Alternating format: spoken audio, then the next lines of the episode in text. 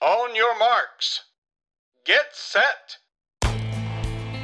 Välkommen till Maratonlabbet, vägen mot sub 3. I den här podcasten kommer ni att få följa mig, Johan Forstedt och Erik Olofsson på vår väg mot sub 3, alltså att springa maraton under tre timmar. Det här andra avsnittet kommer att handla om träningsplanering. Hur ska man lägga upp sin träning inför ett maraton?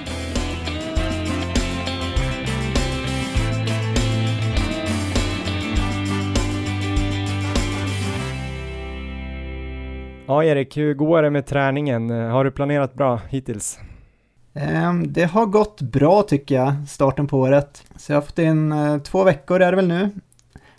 Och eh, ja, men det har börjat bra. Jag har fått eh, många mil och eh, fått hålla mig sjukdomsfri och skadefri än så länge. Så känns bra. Hur går det själv? Jo då, det går, det går framåt tycker jag. Jag har börjat få in eh, en ganska bra rutin på att springa hyfsat många pass. Däremot springer jag inte så mycket fart och inte så jättelångt än så länge på grund av lite skadeproblem. Men eh, jag tror att förra veckan hade jag ändå sex eh, tillfällen där jag sprang plus Ja. två styrkepass eller något sånt där. Låter bra. Däremot var väl två löppass var ju kanske så här 5-6 kilometer så att eh, totalt blev det väl drygt 50 kilometer någonting. Ja, låter bra. Jag har väl haft, eh, kommit upp i eh, ungefär nio och en halv mil sista två veckorna. Och eh, det känns ju, det känns ju bra än så länge. Jag tänkte på vad eh, Camilla pratade om här i förra avsnittet, att man ska ligga mellan 7 mil och 12 mil ungefär i veckan. Och ehm, ja, det känns väl, eh, det känns som en bra start i alla fall. Ja, för nytillkomna lyssnare kan vi bara berätta lite snabbt att jag och Erik känner varandra från förr och har eh, kommit fram till att vi under det här året som kommer ska se om vi kan springa under tre timmar på maraton. Vi har tidigare sprungit runt eh, 310-315, där någonstans och eh, förra veckans avsnitt som vi kan tipsa om där intervjuar vi Camilla Elofsson, en, eh, en löpare som bor i Älta som eh, under förra året sprang sub 3 hon hade gjort ungefär samma sak som vi vill göra nu. Hon hade förbättrat sig 13-14 minuter på bara ett år. Väldigt in- imponerande. De som hörde förra avsnittet vet ju också att vi avslutade förra veckan med något som vi kallade veckans utmaning. Det var ett Erik som fick tipsa om ett träningspass som en utmaning för den här veckan och eh, om inte jag kommer ihåg helt fel Erik så skulle du ut och springa eh, ett långpass på 30 kilometer Eh, Stämmer? Där 20 kilometer skulle vara i ganska lugn fart. Och sen skulle du, sista 10 kilometerna skulle du springa i maratonfart. Nu undrar ju alla hur gick det här passet? Jo, men det gick, eh, det gick helt okej. Jag eh, startade lugnt, så jag låg väl över, eller kanske runt fem minuter per kilometer första 20. Och eh, därefter så, eh, så var ju planen att jag skulle ligga kanske på maratonfart eller något under. Det var kanske lite snabbare än vad jag hade tänkt mig, så att jag var ganska... Sista kilometern var jag ganska slut, men jag höll, eh, höll eh, ett bra tempo och det var en, en bit under maratontempo också. Så det, Okej. nej, men det, känd, det kändes bra, det gick, det gick bra det passet. Det var tufft, men det var mm, ett bra pass. Hur var känslan? Var, var du nere och grävde djupt för att kunna hålla farten eller kändes det Alltså- så lätt kan jag inte tänka mig att det gjorde men Nej, nej men det, det intressanta det är att lite som, det påminner kanske lite om när jag sprungit maraton förut, att om man tänker när jag börjar där öka vid 20 till 25 så känns det väldigt lätt. Det känns nästan som man skulle, skulle kunna ligga på lite mer. Eh, Men framåt de sista kilometerna därefter, kanske 28 framåt 30, då det börjar hända saker då. Alltså då börjar det bli tufft, eh, benen börjar bli tyngre och eh, sista kilometern var definitivt tuff alltså. Det var, det var inte så att jag sprang och lekte då, utan då, då fick man gräva lite grann. Hur gick det själv? Hur gick det? Du skulle också prova va? Jag skulle prova en liknande variant. Eh, Jag ska inte tjata om, om mina små skadeproblem. Jag har haft lite problem med hälsenor och tå och, och sådär. Och lite smyg på någon höft så här som börjar komma. Jag tror att vårt skadeavsnitt framöver kommer bli intressant eftersom jag bara kan berätta om alla skadorna som man kan få vid löpning som jag också haft själv. Men eh, mitt mål var väl att eh, efter förra veckans avsnitt springa eh, 18 kilometer tror jag jag sa till slut Ja. och där jag skulle springa första två tredjedelarna, alltså 12 kilometer lugnt och sen öka 5-6 kilometer och eh, det var intressant pass för jag sprang med min eh, tjej Emma ja. här i Paris och vi stack ut ganska lugnt, eh, alltså vi, det var mer att vi var ute och småjoggade så vi hade nog ganska långsamma första 12 kilometer där, det var nog 6-7 minuter per okay. kilometer. Mm. Det jag kände var väl att det blev som en chock för att öka från så 6.30 till 4.15 blev som att kroppen var som inställd på den här lite mysiga tempot. Ja, hur var benen när du som började? Att jag, det kändes ganska bra ändå. Uh, men såklart lite, lite, alltså inte stumma men lite att man märkte ju ändå att vi hade sprungit en mil drygt. Ja. Men det kändes sen som att jag liksom, känslan var att jag maxlöpte, men jag kollade på klockan och så var det ändå så här, ja men 4.10, 4.20, 4.30 ibland. Så jag var ja. så här, den här klockan stämmer inte liksom. och, men samtidigt såg jag att pulsen låg relativt kontrollerat under tröskelpuls och sådär, så att det var, ja det kändes som att det var den Ja, det kändes som att det var den nivån jag skulle ligga på. Det var bara att känslan var inte så bra. Men eh, jag sprang väl in strax över 4.15 fart på, om det var 4,5-5 kilometer jag fick i det här snabbare tempot. Så det var väl ändå positivt tills att jag vaknade dagen efter och hade jätteont i min höft. Men det beror nog lite på kanske att du har kört mycket lugnare pass, lugnare tempo med tanke på eh, skadekänningar och sånt där. Så sen efter det har jag legat, eh, alla mina pass som jag sprungit efter det har varit i, i liksom fem tempo, fem fart, alltså drygt en minut över miltempot och bara försökt samla ihop eh, mer och mer volym och det har känts ganska bra. Eh, har du kört några mer pass som du vill eh, berätta om? Um, jag har hunnit med, sen sist jag hunnit med ett till långpass också. Och det var, tanken med det långpasset var att jag skulle ta det lite lugnare. Däremot var det ute länge för att uh, det som jag behöver känner jag är ju att uh, hålla på länge, få liksom den uthålligheten. Just eftersom att jag har gått in i väggen förut så vill jag gärna jobba mm. där under tre timmar, eller ja, runt tre timmar, vilket är planerad mm. löptid på maraton. Så jag hade ett sånt pass inplanerat här där jag sprang, eh, skulle springa ungefär 35 eh, kilometer lite drygt var planen och hålla på i ungefär tre timmar.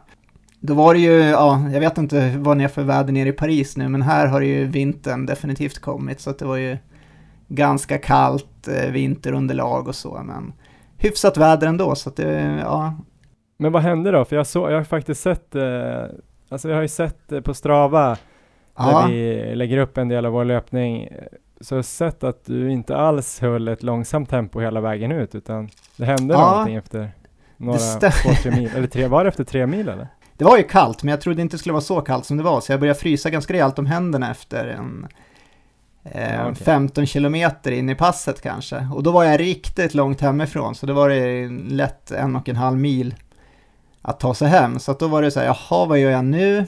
Provade att börja så här röra på fingrarna, jag drog upp underställströjan och försökte liksom täcka händerna och sådär. Men det var, inget funkar riktigt utan händerna var riktigt kalla. Vad hade du gjort i det läget Johan? Har du så här bra, bra tips? Nej, jag vet inte. Eh, man kanske kan snurra händerna lite grann, armarna, så att blodet kommer ut i händerna. Eller ja. Så det... Stoppa händerna mellan skinkorna, men det är svårare. det första tipset, det var ungefär det jag, jag provade, så jag hade så här, om du tänker att jag spänner armarna längs sidorna och sen så är händerna rakt ut. Det var någonting så här ja. jag hade i bakhuvudet som skulle kunna funka och sen så lyfta upp ja, och ner på axlarna. upp och typ. ner med axlarna. Ja, ja exakt. jag, jag, jag, tänkte att det så här, pumpa blod ut i händerna, så jag provade den lite så att det, ja, det var lite bättre. Jag vet inte om det var psykologiskt eller, eller hur det nu var, men det, det såg ganska så här, det ser ut som, man ser ut som en pingvin ungefär när man springer. Så det var lite så småstelt när jag mötte folk, så att då var det, ja okej, okay, då gick jag över i så vanlig armföring igen. Och sen så fort de hade ja. passerat så var jag tillbaka i sån här pingvin, pingvinlöpning igen. Men eh, ja, jag var fortfarande ganska kall om händerna. Det var ganska störigt att springa sådär och när jag funderade på det så var det så ja, jaha, jag har typ 12 kilometer kvar. Och sen så ska jag, på väg tillbaka hem så ska jag igenom centrala Uppsala. Jag kan inte, jag kan inte springa runt så här. Så då, eh, enda lösningen jag kom på då, det var bara att äh, men nu, får vi, nu får vi dra på tempot, nu får vi öka tempot så kanske få mer cirkulation och bli varmare på det sättet. Så hela det här lugna passet som var planerat eh, fick en rejäl avslutning sista tio, så det vart ett sånt här progressivt pass till där jag fick eh, dra på hårt efter 25 kilometer upp till 35 kilometer. Eh, så det vart, eh, vart ett riktigt hårt pass, men det funkade. Det vart, eh, till slut fick jag liksom upp värme i händerna igen. Så att, eh, ja, så så vart det. Ja, det är bra tips då för alla som tycker det är jobbigt med de här progressiva långpassen, att man sticker ut och har lite, lite för lite kläder så att man, sen måste man bara köra hårt på slutet. Precis. Ja, det var ju en typ av dålig planering av dig Erik. Ja. Eh, idag ska vi prata om, eh, det här kommer bli en snygg övergång, idag ska vi prata om planering men liksom lite mer träningsplanering, hur man ska lägga upp sin träning inför ett maraton, eh, både lite på så här lång sikt och även kort sikt i veckorna och sådär. Och idag tänkte vi att vi skulle börja, börja prata om det här ämnet genom att spela upp en intervju som jag har gjort med Petra Kindlund, eh, löparprofilen som har kommit tvåa i Lidingöloppet, sprungit halvmaran under 1.20 och dessutom är utbildad näringsrådgivare, löpcoach, PT och massör. Hon presenterar sig ännu närmare här också i början av intervjun. Luta er tillbaka och lyssna och njut.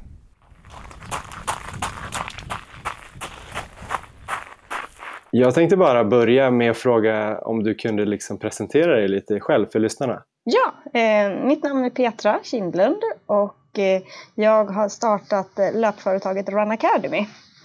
Och eh, vi mm. har väl löpargrupper på över 40 orter runt om i Sverige med syfte att sprida löparglädje.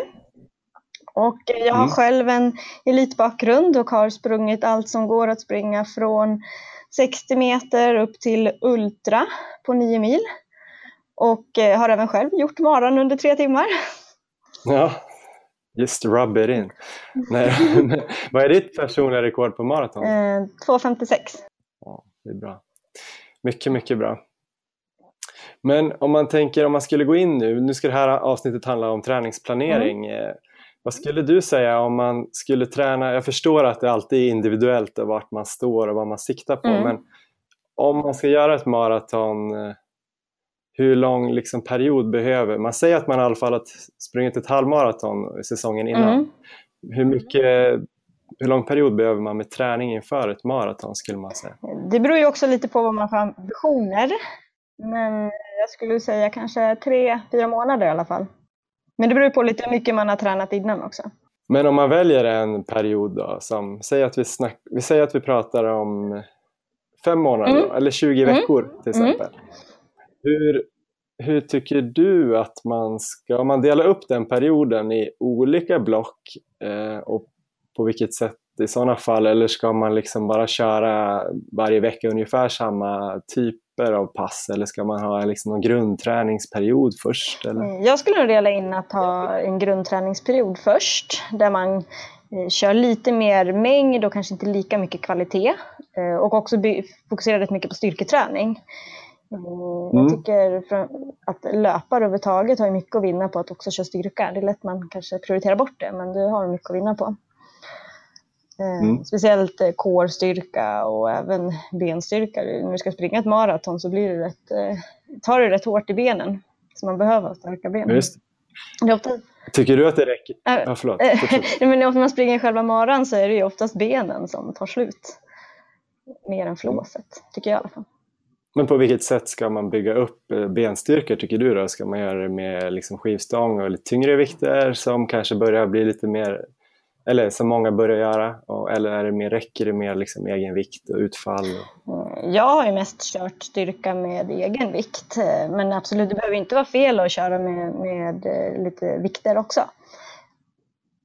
Men oftast så räcker det, framförallt för motionärer så, där, så räcker det ju med att bara köra med kroppen, som styr, med styrka med kroppen. Mm.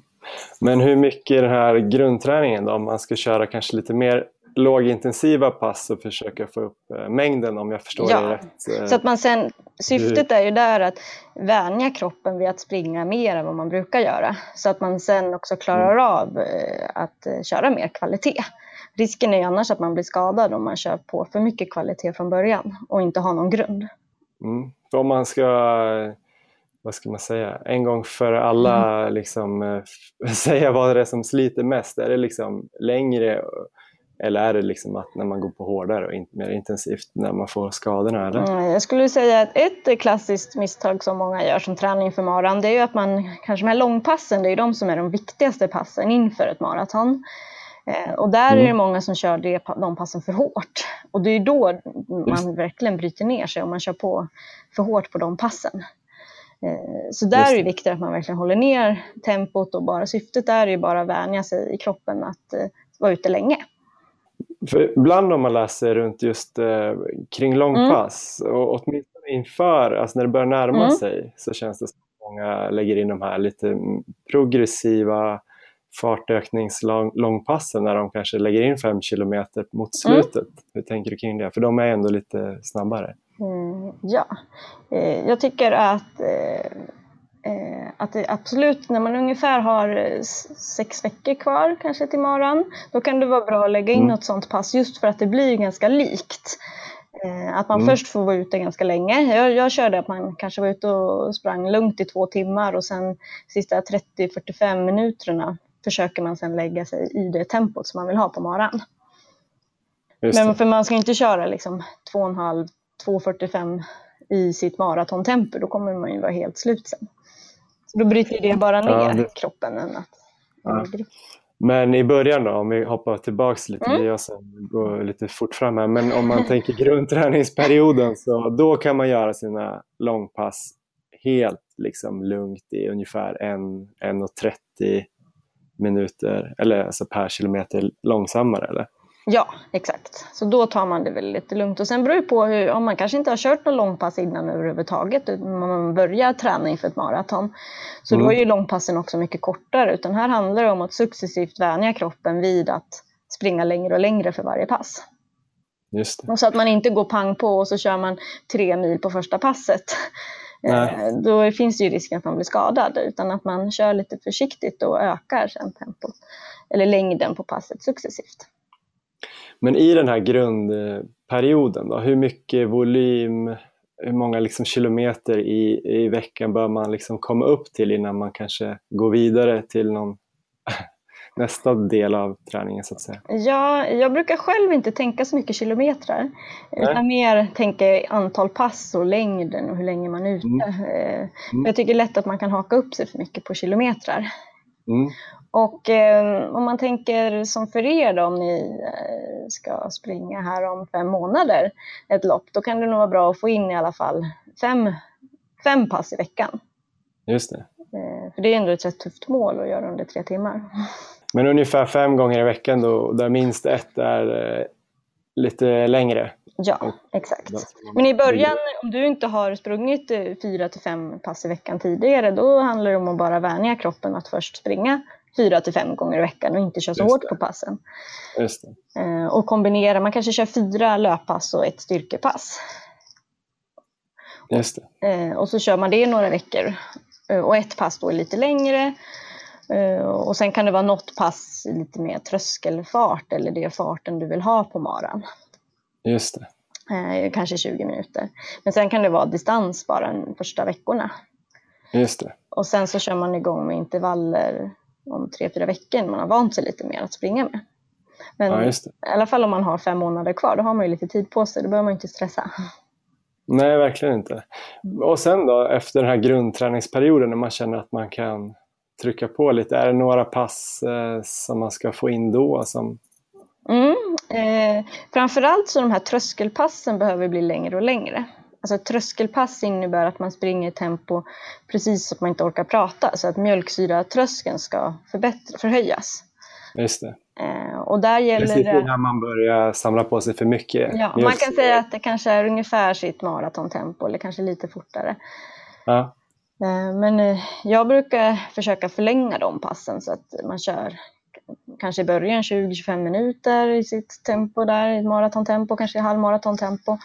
Och sen när man är, ju, längre, ju mer man närmar sig maran så kan man ligga uppåt en timme på de passen. Oj, ja. Eh. Och, kör du dem uppdelade intervaller då, eller kör de eh, Jag har kört både och. Jag har kört dels eh, att man kör ungefär 15 kilometer eh, på en timme. Då. Och, så det blir lite fortare än sitt maratontempo. Men också i form av intervaller och jag har kört kanske tre stycken fem kilometers intervaller. Just det. Eh, brukar vara rätt bra, alltså, eller tre gånger 20 minuter. Om man har som mål att göra under tre timmar där så kan det vara ett bra pass att göra. Eh, just för att det handlar om att springa mycket, sitt, öva på att springa i det tempot man vill ha på maran för att man ska få bättre löpekonomi i just det tempot. Men sen kan det också vara bra även om man ska springa maraton att köra kortare och snabbare pass också, intervaller. Att man blandar lite. Ja, men de intervallerna, de här fartintervallerna, liksom, Mm. ligger i till och med snabbare farter än milfart, kanske fem kilometers fart eller någonting. De typ Mm. intervallerna, liksom hur, hur viktiga är de när man gör en maratonsatsning? Alltså de är viktiga framförallt för att förbättra din syreupptagningsförmåga.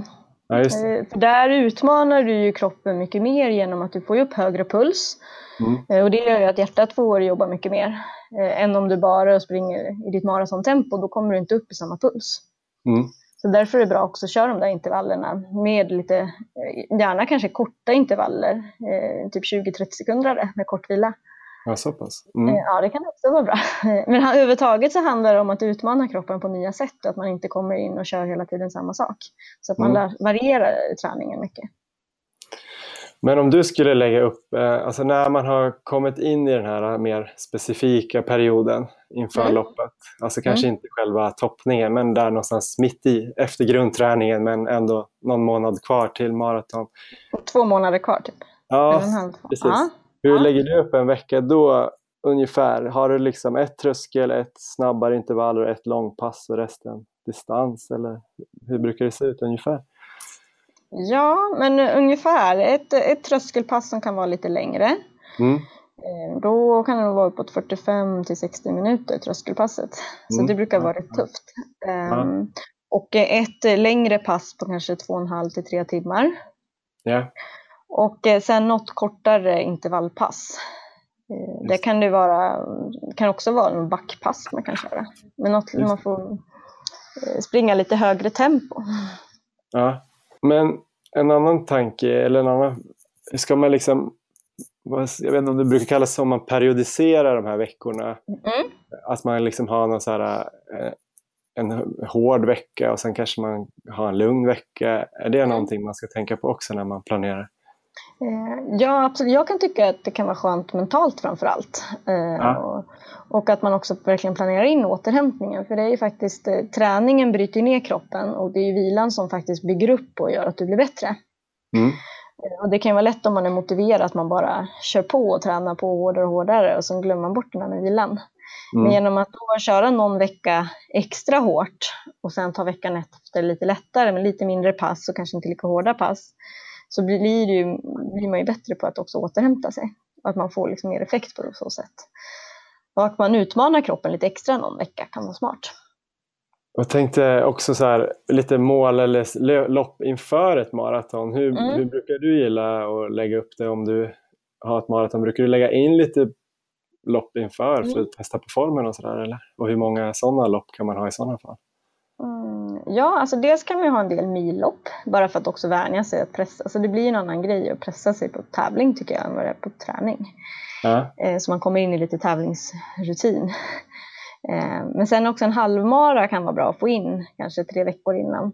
ja, Eh, Så man får testa sig lite och få springa kanske. Man behöver kanske inte springa all in på den ma- halvmaran. Men man just kan ju, kan ju springa ungefär det tempot man vill ha på maran. Kanske lite snabbare. Så man får testa på lite hur det känns. Hur gjorde du när du gjorde din 2.56 mara? Jag gick 2.56 och 2.57 flera gånger. det? Eh, Då har det varit lite olika. Eh, Men för Ja. mitt första maraton jag sprang, eh, då sprang jag en halvmara tre veckor innan. Och då hade jag inte sprungit maraton innan så då var det ju rätt eh, bra. Jag hade inte sprungit en halvmara innan heller så det var rätt bra att få testa på. Eh, Och springa lite längre innan. Men eh, till sist då, jag har fått hur mycket bra tips som helst här, men Mhm. eh, några, har du några bra tips? Du, du nämnde ju något pass som du tyckte var bra inför maraton, där tre gånger 20 minuter i, i tröskel eller ja, någonstans Mm. där. Finns det några Eh. andra här riktigt bra pass som man både kan eh, få lite formcheck och, men även få lite skalle och testa kroppen lite. Oj, ja. maratonsatt. ja, det finns ju jätte- jättemånga olika typer av pass. Eh, En variant kan ju vara, eh, som jag kan också gilla att köra, eh, tio stycken tusingar. Det är inte så himla kul pass, men jo, men det, det blir, ja, är man i rätt bra slag så kan det vara rätt kul om man känner sig stark. Eh, och då är det att man har kanske 60 sekunders vila mellan varje 1000 meters intervall. Och Hur då- vilar du då? Brukar du stå eller jogga? Eller? Jag har nog kört ståvila då. Ja. Eh, Och då ligger kanske tempot runt 3.30 och sånt där. 3.30? Mm. Herregud. Ehm, mm. Men Då måste du nästan kunna springa ännu fortare än 2.56 tycker jag. Ja, det tyckte jag med, men eh, det har inte blivit så. Ja, jättebra. Hur Mm. eh, har du själv med löpningen det här året? Har du några mål? Ehm, Alltså förra året så sprang jag Swiss Alpin som jag tränade väldigt mycket för, som var eh, 47 kilometer i bergen. Så jag har ju satsat lite mer på bergslopp och liksom så, än platta asfaltslopp. Ja. Eh, och i år har jag inte riktigt bestämt eh, exakt vad för lopp jag kommer köra. Eh, utan det får gå lite på känsla och eh, lite mer vad jag känner för och vad som känns roligt. Jag förstår. Mm. Eh, om man vill följa dig eller träna med Run Academy, hur gör man då? Och, Eh, ja, tip, det kan ju vara att gå in på vår hemsida runacademy.se. Eh, där har vi, vi har ju dels löpargrupper eh, men sen har vi också online-träning och det kanske skulle kunna vara något för det. Eh, där vi har träningsprogram bland annat eh, inför maraton och sådär. Ja, superbra. Mm. Tack så jättemycket för eh, din tid och dina smarta tips. Lycka till med, Ja, lycka till med träningen nu. Jaha, Tack så så kul. Tack! Tack, hej. Ja, det där var alltså intervju med Petra Kindlund och eh, hennes syn på träningsplanering och tankar. Mycket trevligt att få lyssna på dem och eh, man lär sig alltid något nytt eller får någonting bekräftat. Erik, eh, vad tänkte du när du hörde intervjun? Eh, Det var mycket, mycket intressant och mycket bra tips och eh, det känns ju på något sätt tycker jag bra att vi får, eh, får saker bekräftade. Om vi tar från förra avsnittet till exempel med eh, veckoupplägget som Camilla hade där. Det är ju väldigt Mm. liknande hur Petra tänker också. Så då känns det ju på något sätt som att vi är på rätt väg om vi följer det. Och där kanske du tänker då främst på att det är liksom basen i all, nästan all träning för alla lopp är liksom ett längre pass, ett tröskelpass och ett högintensivt pass och sen några extra distanspass, halvlugna pass emellan, eller? Ja, precis. Åtminstone för, för maraton och eh, de sträckorna. Och sen Ja. så eh, ja, får man tänka, tänka lite på det här som hon säger på slutet. Att eh, se till att köra de hårda passen hårt och de lugna passen lugnt. För det är någonting som jag kanske inte har gjort så mycket tidigare utan då har jag kört hårt eller eh, ja, ganska hårt hela tiden så att säga. Och då kanske man har kommit till de här hårda passen och varit lite sliten och inte liksom kunnat få ut kvaliteten som, som man kan om man är utvilad med några lugna pass innan istället. Vad är det som har gjort att du inte har kört de lugna passen lugnt förut eller att du inte har vetat om att de ska köras lugnt eller? Ehm, det är en bra fråga. Ja, men det är nog mer att man... eh, eh, det har väl känts som att det kanske inte ger så mycket att, eh, att bara liksom köra i väldigt lugnt tempo, utan då har jag hellre höjt tempot lite och eh, det har Mm. blivit någonstans mitt emellan av det. Men det är viktigt just för återhämtningen och just för att få den här kvaliteten på de hårda passen, att man verkligen håller ner tempot. Det är väl, det är väl något jag har behövt lära mig helt enkelt. jag har inte haft kunskapen riktigt om det förut, så att då, det är ju logiskt. Absolut. Men när du hör om det nu då, liksom känner du direkt då att, för du har sagt några gånger till mig, jag tror du kanske nämnde det i första avsnittet också, att, att du har, du har liksom, nu när du börjar läsa på mer och mer och lär dig mer Ja. och mer så har du sagt så här, men jag har ju tränat helt fel förut. Är Ja. det den här grejen som har varit det som har varit fel Ehm, eller? Det här är absolut en grej och eh, sen Ja. så är det ju det många andra saker också. Men det här, är, det här är ju definitivt en stor grej utan att jag har ju definitivt inte kört några så här lugna pass som jag, ja, nu är ju hälften av passen i veckan man kör i princip väldigt lugna pass.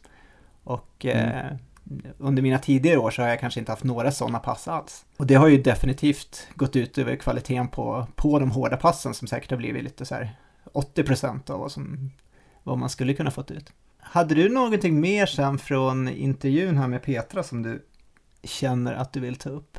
Ja, men jag tycker också att, eh, att, att man fick mycket saker bekräftade och det är alltid skönt att höra att man är på, på rätt väg. Och, men så jag tycker också liksom det är kul att lyssna lite, när vi pratar lite om grundträning där och jag är väl lite extra intresserad av det eftersom jag känner att jag är i en sån här fas där jag måste, man kan nästan uttrycka det som att träna på att träna så att säga.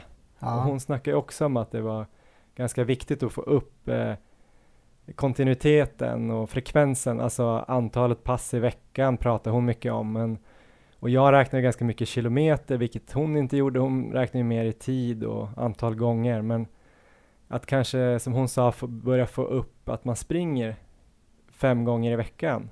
Ja, precis. Att, att det kan vara väldigt viktigt och liksom vänja kroppen, det är någonting som jag känner att jag är i någon sån process just nu. Hur är din skadesituation nu så att säga? Kör du några hårdare pass eller är det, har du några känningar när du kör de lugna passen eller hur går det? Nej, just nu, alltså jag fick ju någon knäpp grej här som jag inte tyckte att jag förtjänade alls, att jag fick ont i, i liksom höftkammen på ena sidan. Jag har hållit det liksom på en lagom nivå än så länge, det har faktiskt gått ner lite här sista veckan. Eh, men eh, alltså hälsenorna har känts bra och ja. Eh, tån som jag bröt har känts bra, så det känns som att jag skulle kunna börja, börja ligga på lite hårdare alltså för deras skull, det är lugnt liksom. Ja. Men just då höftkammen där är lite skum grej eh, som eh, har kommit och där är det väl nu att jag, det gör lite, det är så här klassisk eh, inflammationssymptom känns det som att lite eh, första halva, för, första kilometern eller första fem minuterna eller någonting så, så känns det av när jag, när jag springer med vänster ben liksom varenda ja. gång jag sätter i vänster ben. Alltså det känns liksom. Sen försvinner det och känns ganska bra och sen eventuellt kommer det tillbaks lite på slutet, men eh, jag håller på någon nivå. Men jag kände någon, något pass där när jag gjorde dem där, att jag ökade upp mot Mara-fart eller mot fyra där. Och ja. kände jag ju direkt att det kändes lite sämre dagen efter. Så vi får väl se om det löser sig. Men, men efter att ha hört liksom Petras eh, intervjun här med Petra och eller hennes svar och även en bok som jag läst här över julen som jag gav mig själv i julklapp. Det, men det är en kille som heter Marcus Nilsson eh, som har skrivit en, en, en träning som heter Löpträning mitt i livet. Eh, jag vet inte om den handlar om löpträning för 35 till 40-åringar, men det är väl rätt passande i sådana fall. Men han har i alla fall själv gjort eh, maran på 2.40 och eh, ja, han skriver bra om maratonträning. Ja. Och det jag kände där som jag kan koppla ihop till Petras och även dina tankar, det är väl det här om att kanske periodisera träningen, att man har, kanske kan ha en grundträning per, grundträningsperiod först. Ja. Där man liksom, ja men man ser till att få in mycket löpning. Och om man är på lägre nivåer eller inte har så mycket grund innan, då kan man nog bara ligga där och samla kilometer i, i farter på en till en och en halv minut över sin milfart. Ja, och liksom se till att man liksom får någon hårdhet där, både mentalt och fysiskt tror jag. Att liksom bara känna, jag känner ju det, att jag kommer mer och mer in i det här med, ja men det är inget konstigt för mig att sticka ut och springa varje dag, ja. typ. Men eh, han pratar ju också mycket om det och att man där i den här första fasen, då behöver man inte ens lägga in de här hårda, riktigt hårda intervallerna, utan man kanske kan lägga in något eh, tröskelpass då och då liksom. Men det handlar mest om att bara vänja kroppen på, på vad som sedan komma skall, så att säga. Och dessutom få in lite styrketräning, som också ja, Petra precis. var inne på. Men det är ju ganska perfekt egentligen från den, den, eh, om man ser det så nu också. För att ditt mål, om man tänker en maraton under tre timmar, det kommer ju ligga lite längre fram i tiden. Så då är du ganska nu i så här perfekt situation att fokusera på styrketräning och fokusera på att bygga en aerob bas och sen så får vi väl vässa upp passen eh, när, när höften börjar bli bättre och eh, du inte har några känningar längre. Ja men precis, det är så jag tänker. Jag har ingen stress nu, även om det är alltid kul att få springa de här lite snabbare passen och kanske slänga in någon millopp här och där. Men, men eftersom, som du säger, jag, har varit ganska inställd på grund av dels de här skadorna, dels lite så här jobbresor här i vår. Att, mm. att mitt, mitt tre timmars, sub tre timmars försök antagligen kommer bli på hösten och antagligen då eh, i Frankfurt i slutet av oktober, så jag har lite mer tid på så sätt eh, att liksom bara men, vänja kroppen och få upp högre distanser innan jag börjar öka farten. Ja. Eh, men själv då, du har ju sagt att du ska försöka göra ditt första sub 3-försök där när vi ska till Madrid och springa i april, den 22 april. Ja, ja men det är, mitt, det är mitt första primära mål. Och eh, jag, har, jag rekommenderar här i första, våran, för, vårt första avsnitt att eh, lyssna på en podcast som heter Running Rogue. Och där har de ett avsnitt ja. när de pratar om så här makrocyklar, alltså när de delar in eh, träningen i längre perioder. Och där pratar de mycket om 12 till 18 månaders perioder. Ja. Um, och uh, det de rekommenderar där i en 12 månaders period är att man, att man uh, delar upp sin träning lite för att de säger att man inte blir bättre i det långa loppet på maraton av att bara träna för maraton. Så att de rekommenderar till exempel att du ska ha en maratoncykel men sen däremellan så kan du lägga in en kanske en halvmaratoncykel eller en fartcykel också för att liksom få jobba med olika energisystem. Ja, och för er som eh, blir för, förvirrade av allt det här cykelsnacket så är vi inte sponsrade av någon eh, typ av cykelföretag utan han menar perioder då. Eller någon annan podcast. så att min, mitt första mål nu är Madrid och det ligger, nu ska vi se hur många veckor det är fram dit, det är 14 veckor kvar dit. Ja. Och då kommer jag ha en ren eh, maratoncykel då. Som kommer bygga mycket på eh, de tipsen vi har fått än så länge av Camilla och av Petra. Så eh, det är mitt första men mål. Der, men då skulle jag vilja veta, hur ja. ser deras eh, maratoncyklar ut eller alltså, är den i sin tur då uppdelad i olika perioder fram till loppet eller, eller är det bara att man kör på och varierat hela vägen fram? Ehm, de, de pratar mycket om långsiktighet så att de eh, menar att man ska välja ut ett primärt mål då. I mitt fall då så kommer det vara Madrid som är mitt primära mål. Och sen där fram dit så ska man ju ha en del så här små sekundära mål. Men målet med de här sekundära målen är ju bara att hjälpa till att bygga för det primära målet. Så att man ska ju, man ska ju som ha ett mål. Har man andra mål på vägen så ska det, det ska egentligen inte vara något fokus på dem utan de, de ska bara hjälpa till. Ehm, och eh, då kommer vi in på sådana här preparationslopp som vi pratade lite grann, eller vi hörde lite grann här Petra prata om. Mm. Ehm, och eh, något de rekommenderar är ju, ja precis som Petra, en halvmara innan och då pratar de om fem till åtta veckor före maraton. Så ska man lägga in okay. en halvmaraton. Um, Petra Men är det om man kan, vill köra den liksom max, max, max? Ja, precis. Då, För Petra pratar ju om att man kanske inte ska gå all in utan att man ska mer köra en halvmaraton i maratontempo. Så att det blir, ja, det blir väl lite samma sak, men då pratar väl de kanske om att eh, fem till åtta veckor före maraton, kör en halvmaraton och då, då är det väl fullt tempo helt enkelt. Har du hittat någon som passar då? då? Nej, det har jag inte gjort, så det har varit, det har varit problemet. Um, däremot så uh, ligger ju premiärmilen i Stockholm bra till um, cirka, en må cirka en månad innan Madrid. Så att den, det tror jag blir min, så, mitt så, debutlopp. Slutet av ehm, mars? Ja, precis. 24 mars ligger den. Och sen så, eh, den andra rekommendationen de har det är att 10 dagar till två veckor innan ditt maraton så ska du lägga in en hård, ett hårt millopp. Mm. Så eh, där så ligger ju Varvet-milen i Uppsala eh, precis två veckor innan Madrid. Så det är mina så här preparationslopp, mina sekundära mål upp till det primära målet. Vad siktar du på där då? Alltså om du ändå har dem som någon typ av mål, även om det inte är primära mål så vad tänker du tider där och, och sådär? Du sprang ju eh, precis under 38 i, i fjol va? Ja, nej jag vet inte. Jag, jag kommer inte ha någon måltid på dem utan jag kommer, jag kommer försöka göra så bra lopp som möjligt och sen så får det bli sekundärt helt enkelt vad tiden blir. Det är mer bara ja. få en bra, bra genomkörare för Madrid Marathon. Men annars då den här peri perioden fram, eh, för jag tänker eh, om man ska referera lite till den här boken med Marcus Nilssons bok där, Löpträning, då pratar han ju om tre perioder i en sån här, äh, säg att han har, för han pratar om att, att dela upp ett år i kanske eh, sex olika perioder. Ja. Och då kanske det blir två, för han brukade tydligen springa två maror, äh, en på våren och en på hösten. Ja. Så då delar han upp det liksom i så att han har tre perioder fram till sin första mara. Mm. Och då den första perioden, alltså det är en maratoncykel tror jag som du ja. pratar om. Men första perioden av den, säg att man har 20 veckor, då kanske han har 8 veckor till grundträning. Ja, precis. Alltså så vi snackar om styrka, lite längre löpningar.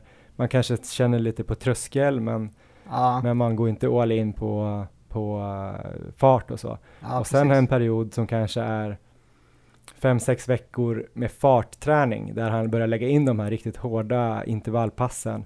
Okej. Ligger kvar med lite längre, lite längre långpass och kör tröskel också, men där Ja. lägger han in mer och mer fart så man får upp farten. När man redan har den hårdheten, eller man har grunden för att klara den, den där fartträningen.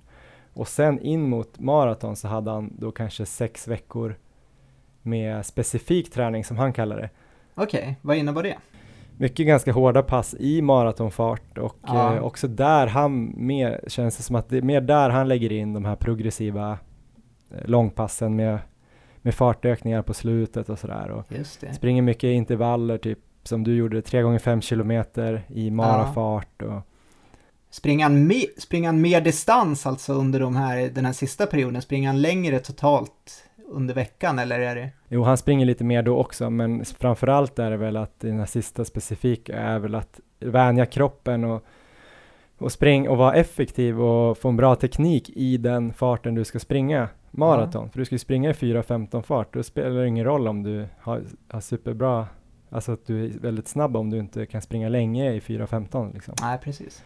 Så det handlar väl mycket om att träna kroppen och hitta, det, hitta en bra effektivitet liksom i den farten. Så Ja. det tyckte jag också var lite intressant att man kan jobba lite så. Sen, eh, sen kan man ju välja hur strikt man vill ha så här, här är bara grundträning, här är det mer fart och jag tror att han varierar ju ganska mycket men man kan tydligt se på hans här, träningsprogram att ja, men det här är mer riktat mot grundträning och här är mer fart och här är mer mara, mara-fart eller mara. det. Så det tyckte jag var ganska Ja, men det var intressant. Det är, det är en annan, annan syn. Jag, jag, har väl, jag anser väl att jag har redan gjort den här, så här grundperioden. Jag kom igång ganska bra Mm. med träningen i november. Så att jag, jag skulle säga att jag är kanske två månader in redan. Mm. Ehm, så jag känner ju att jag kan, kan gå på med de här hårda passen, både intervaller och tröskel och sådär. Men det är ju det är intressant hur man ska lägga upp de här 14 veckorna som är kvar på bästa sätt. För det känner jag kanske inte att jag har så här full koll på, utan det är mer bara nu att nu har vi fått en idé om hur jag ska lägga upp veckorna med vilka typer av pass och sen bara kanske öka Mm. lite i intensitet och sådär. Men det, ja, det vore intressant att liksom, om det finns helt andra vägar att gå så att säga. Dela upp det i sådana perioder.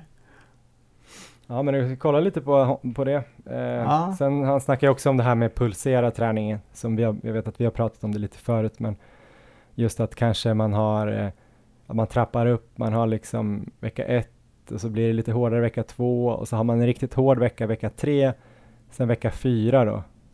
Eh, så kör man en lite lugnare vecka där man kör färre pass och färre kilometer totalt. Precis, en Och återhämtningsvecka. sen eh, en återhämtningsvecka Mm. så kör man sen vecka fem lite hårdare men ändå inte hårdare än vecka tre utan men Ja. hårdare än vecka ett och sen så går man upp och så vecka sju en riktigt hård vecka sen.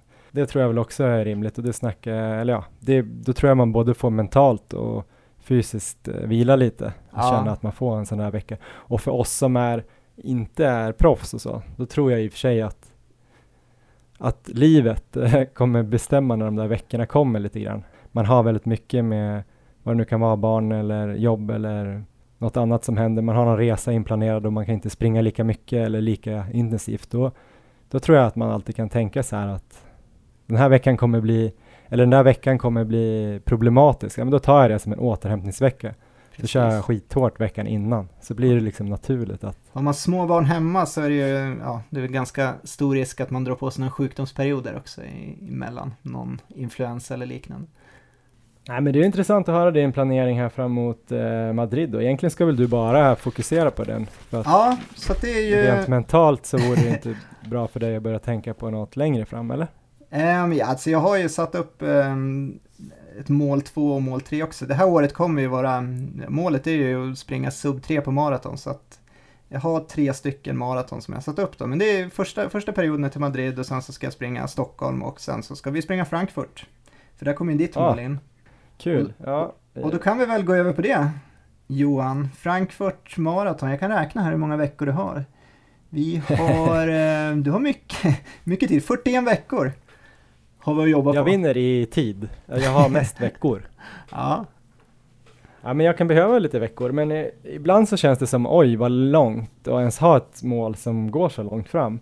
Men å andra sidan så ser det, när jag kollar liksom på vårens schema här, jag har skrivit ut eh, hela vårens schema med lite jobb och, och, och sådär och andra saker som händer så känns det ändå så här rimligt att eh, men det kanske är hösten som gäller för mig. Ja. Och här har jag skrivit in då, hösten har- är ganska tomt, men det jag har skrivit in just nu är eh, 29 september, är ett lopp. Vet du vilket lopp det är? 29. Vilken distans? Sista lördagen i september. Ja, det brukar vara 30 kilometer. Lidingöloppet. Det känns, känns ja, hårt att springa. Ja, det tror jag, det tror jag vi får Ja. fundera på. Det känns hårt att springa det en knapp månad innan Frankfurt. jag. Ja, men jag tror nog att jag ska hitta någon expert som säger att det är ganska bra. Du kommer att få springa i lugnt Ska vi intervjua dem?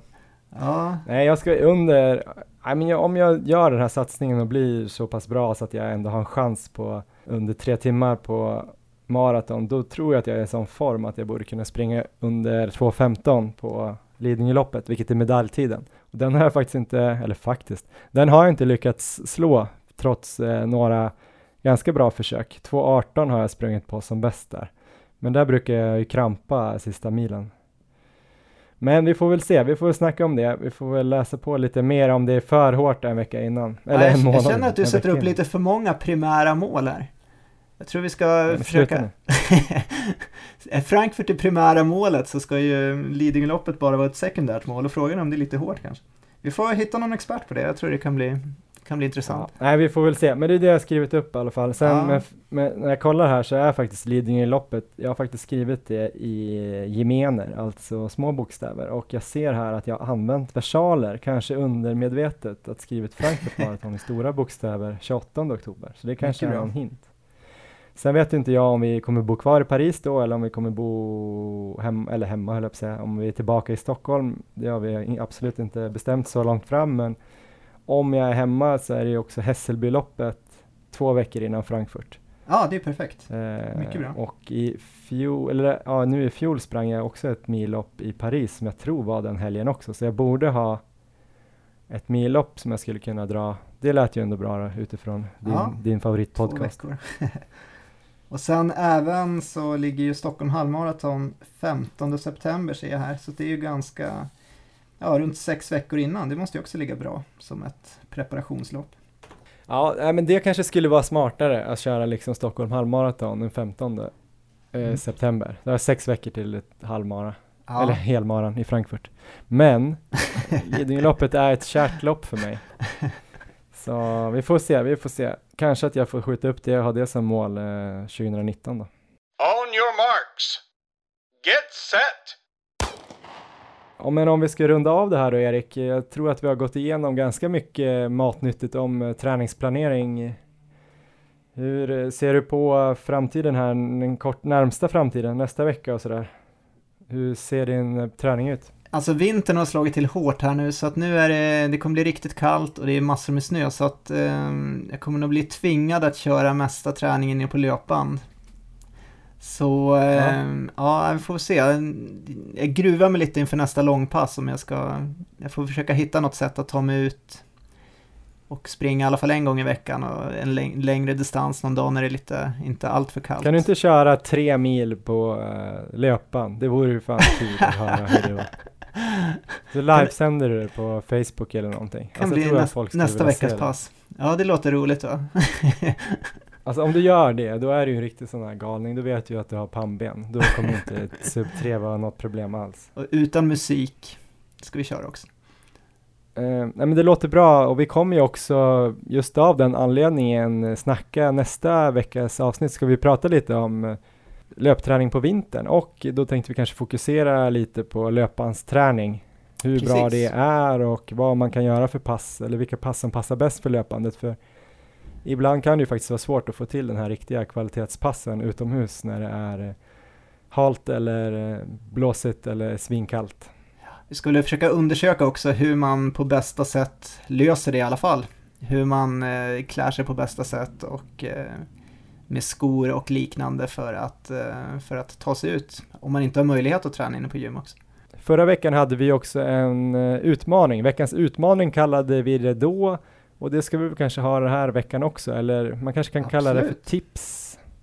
Ja. För jag körde ett pass eh, här om veckan som jag läste om som kallas MAF-test Och det är ett aerobt test, ett submaximalt test av sin löpkapacitet där man inte alls behöver ta ut sig för att, ehm, för att få ett eh, ja, intressant värde som man kan förbättra ju mer man springer framöver här i vår.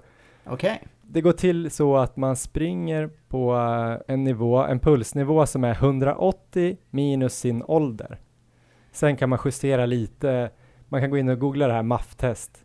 Okay. MAF-test. Eh, så kan man se, man kan lägga på och dra av lite pulsslag. Men ungefär 180 minus eh, sin ålder, så för mig blev det 145. Ja.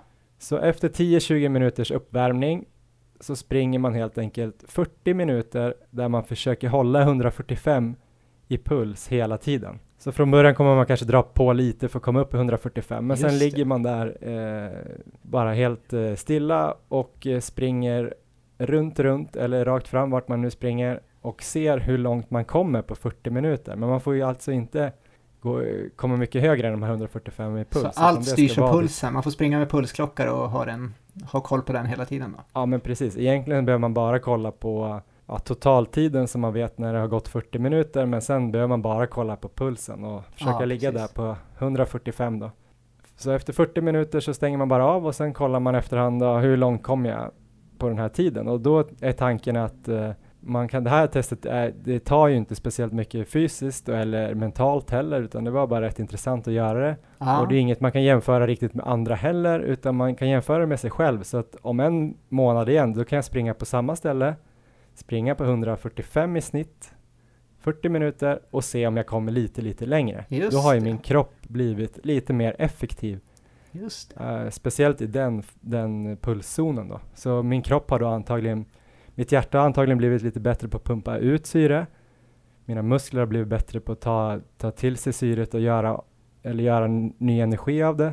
Och jag har kanske fått lite bättre teknik och sådär. Ja, så den här gången kom jag 8,7 kilometer och hade snittpuls på 147. Så då är det ju bara liksom att köra och ungefär samma förhållanden ska det ju vara så att det inte är jätteblåsigt eller 30 grader varmt utan det ska vara ungefär samma, så jag kommer springa på samma ställe. Jag sprang väldigt flackt bara för att kunna liksom bara fokusera på att vara energieffektiv. Då kommer jag lägga in det här passet tror jag på löpband nästa vecka. Det tror jag skulle funka absolut, det för det är också en sån sak eh, perfekt. som då kan man ju oavsett vad man tycker av, om löpbandsträning kan man ju i alla fall säga att det kommer vara exakt samma förutsättningar nästa gång. Utan Precis. Bara du kör på samma. det är viktigt att det är samma löpband. Men det var väl det vi hade för den här veckan och eh, nästa vecka ska vi som, sa som sagt snacka om eh, lite vinterträning och då kommer löpbandsgurun, den självlärda Erik Olofsson få ja. hålla låda kan jag tänka mig. Absolut. Och vi kommer som sagt prata också lite om hjälpmedel och smarta tips för att springa utomhus när det är Ja, det får du lära mig om, hur man gör där. och isigt. Hur man mm. värmer händerna. Se. Ja, just det. Var det mellan skinkorna man skulle ha händerna? Ja, du får prova helt enkelt så får, vi, får du återkomma om det funkar eller inte.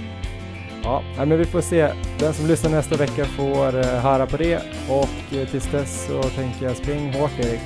Ja, och du spring, spring lagom, lagom hårt.